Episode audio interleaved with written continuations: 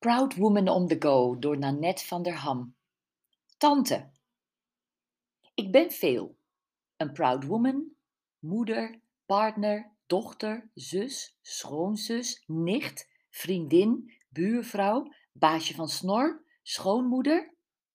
Maar ik ben geen tante. En ondanks alles wat ik ben en daardoor heb, is dat toch een gemis.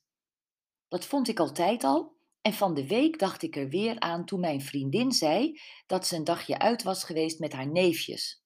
Mind you, mijn vriendin is 66 en haar neven rond de 30. Ze hadden een werelddag.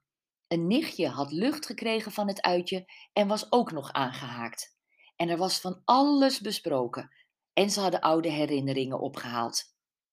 Wat ik de laatste jaren niet meer realiseerde, zei mijn vriendin, is dat mijn moeder hun oma was. En ze wilde van alles weten over mijn moeder, zo leuk. Ik dacht even aan mijn twee kinderen. Die lopen hun hele leven al weg met hun tante, mijn zus Annemiek. Die naam konden ze toen ze klein waren niet goed uitspreken. Dus werd het tante Piki. Vraag me niet waarom. Miek, Piek, Piki, denk ik. Dat weglopen met hun tante gebeurde vaak ook letterlijk. Gezellig een paar dagen logeren bij Piki met de katjes, de muziekinstrumenten en de spelletjes. Nu zijn ze 20 en 24 en kunnen ze de zelfgemaakte liedjes van toen nog zingen. Ik wist niet wat ik met de sieraden van mijn moeder moest doen, zei mijn vriendin, en was juist bezig mijn erfenis eens goed op te schrijven.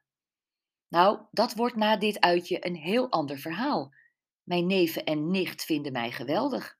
Ik bedenk nu pas wat een mooie rol de rol van tante is. Haar woorden ontroerden mij. Onder de vele vrouwen die ik door mijn werk ontmoet, is een groot aantal kinderloos, om verschillende redenen. Het ligt soms op het puntje van mijn tong om te vragen of ze tante zijn en ze te wijzen op de schone taak en het uitbundige plezier van het tanteschap. In Amerika is daar natuurlijk alweer een geuzennaam voor bedacht. I'm a pank. Professional aunt, no kids. Aan wie kon je vroeger je verhaal het beste kwijt als je liefdesverdriet had? Wie begreep ons beter dan onze tante? Wie was de neutrale en veilige haven in onze woelige puberjaren? Op het moment dat je naar eigen kinderen verlangt, voelt dat soms als surrogaat maar onderschat nooit het belang van een lieve, wijze, stoute, gekke tante. Ja, ik heb dat inderdaad vroeger nooit zo op waarde geschat, zei mijn vriendin, die zelf kinderloos is gebleven. Maar ik ben nota bene zeven jaar geleden naar deze plaats verhuisd, omdat hier mijn lieve oude tantes wonen. Dat zegt toch genoeg? Vrijdag ga ik met mijn dochter statten in Amsterdam. Het eerste dat ze zei: Gaat Piek ook mee?